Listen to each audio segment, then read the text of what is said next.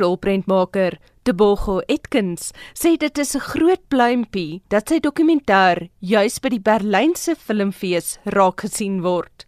Die Berlinale is een van die grootste rolprentfeeste ter wêreld. Meer as 'n half miljoen kaartjies word jaarliks verkoop. Yeah, between 4 and 5,000 accredited journalists, so it's really a very important place to be. And what I really think that uh, documentary films are being showcast with fiction films and on the same level as fiction films. For what is really important for me is that my documentary is not just shown in a documentary festival, or, but in a festival that shows all films. Because I feel that one should maybe stop trying to classify films as documentary and fiction and just accept films as films. Etkins se Suid-Afrikaanse ouers het in die 70er jare as struggle-aktiviste na Lesotho gegaan. Dit is hier waar hy groot geword en sy Sotho naam gekry het.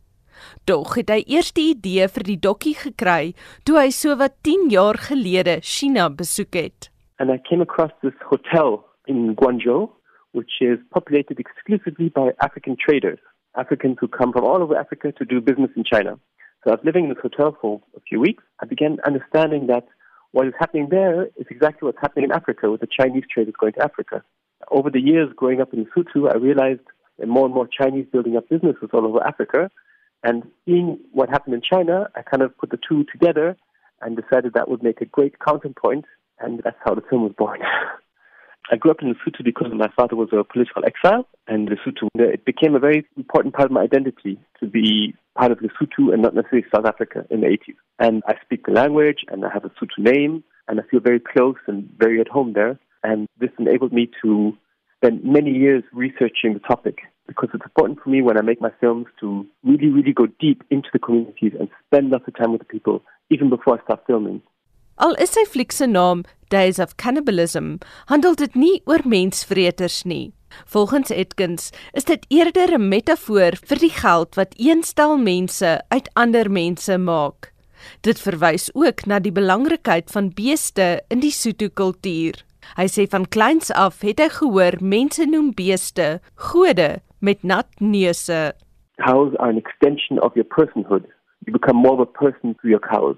And there's incidents of a cattle theft in my film when the cows of somebody else are stolen. And when you steal someone else's cows, it's also an act of cannibalism. And then there's also a scene in my film where I have cows eating the bones of other cows. So that's a physical act of cannibalism. Etkins het 4 jaar lank verfilm aan sy dokumentêr. We would go once a year for about 1 to 2 months and film and always in winter because it was really important that it's a, a winter film and it shows the landscape in winter and sort of a harsh, rough way. Cross genre means that I mix fiction scenes into the film, or some scenes are fiction in the sense that they are directed. I tell my characters what to do, and some scenes are set up. So it looks like a documentary because everyone is being themselves and doing things they normally do, but I'm directing them to do it. In a way, one can say it is kind of controlled or directed reality. Etkins beklemtoon dat die inhoud van die dokumentêr wel feitelik is, al het hy vir sy karakters verduidelik hoe hulle moet staan of waarheen hulle moet loop. Hy het hulle in 'n sogenaamde cowboy western genre lokaliteit vervilm. I always wanted to make a western, and the landscape of Lesotho with its mountains and its horses and the horsemen is obviously that of a western. And I started understanding that many elements of my story, um, of the situation that I was filming, started fitting into the archetypical Western narrative. I had the pioneers, which are the people coming from far away, in this case the Chinese, opening up shops in Lesotho. I had this atmosphere of gold rush, Africans going to China to make money, the Chinese going to Lesotho looking for gold, literally. I had cattle raids. I had a situation where rules are in flux. You know, there's a struggle for power. Old rules, old power structures have been broken and new power structures have not quite settled yet. So it's a sort of place in transition, which is what a Western film is to me. Tydens vervulling het Etkins baie anti-Chinese sentiment ervaar, maar volgens hom het die Chinese pioniers baie positiewe dinge ook na die land gebring.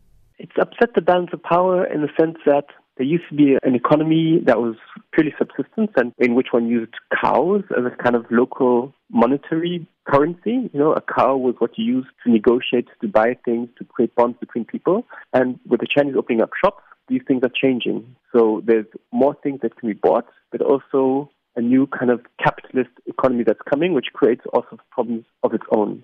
What I try to do in my film is I try to not take sides. It's not a film about the Chinese exploiting the Basutu or a film about a neo-colonial wave of Chinese that is often talked about in the media. I think it's really a film about people that are driven into exile by economic struggles, which is why the Chinese left home because they were looking for better opportunities. It's a film about people being exploiting each other, but not because they want to, but because they're driven by economic need.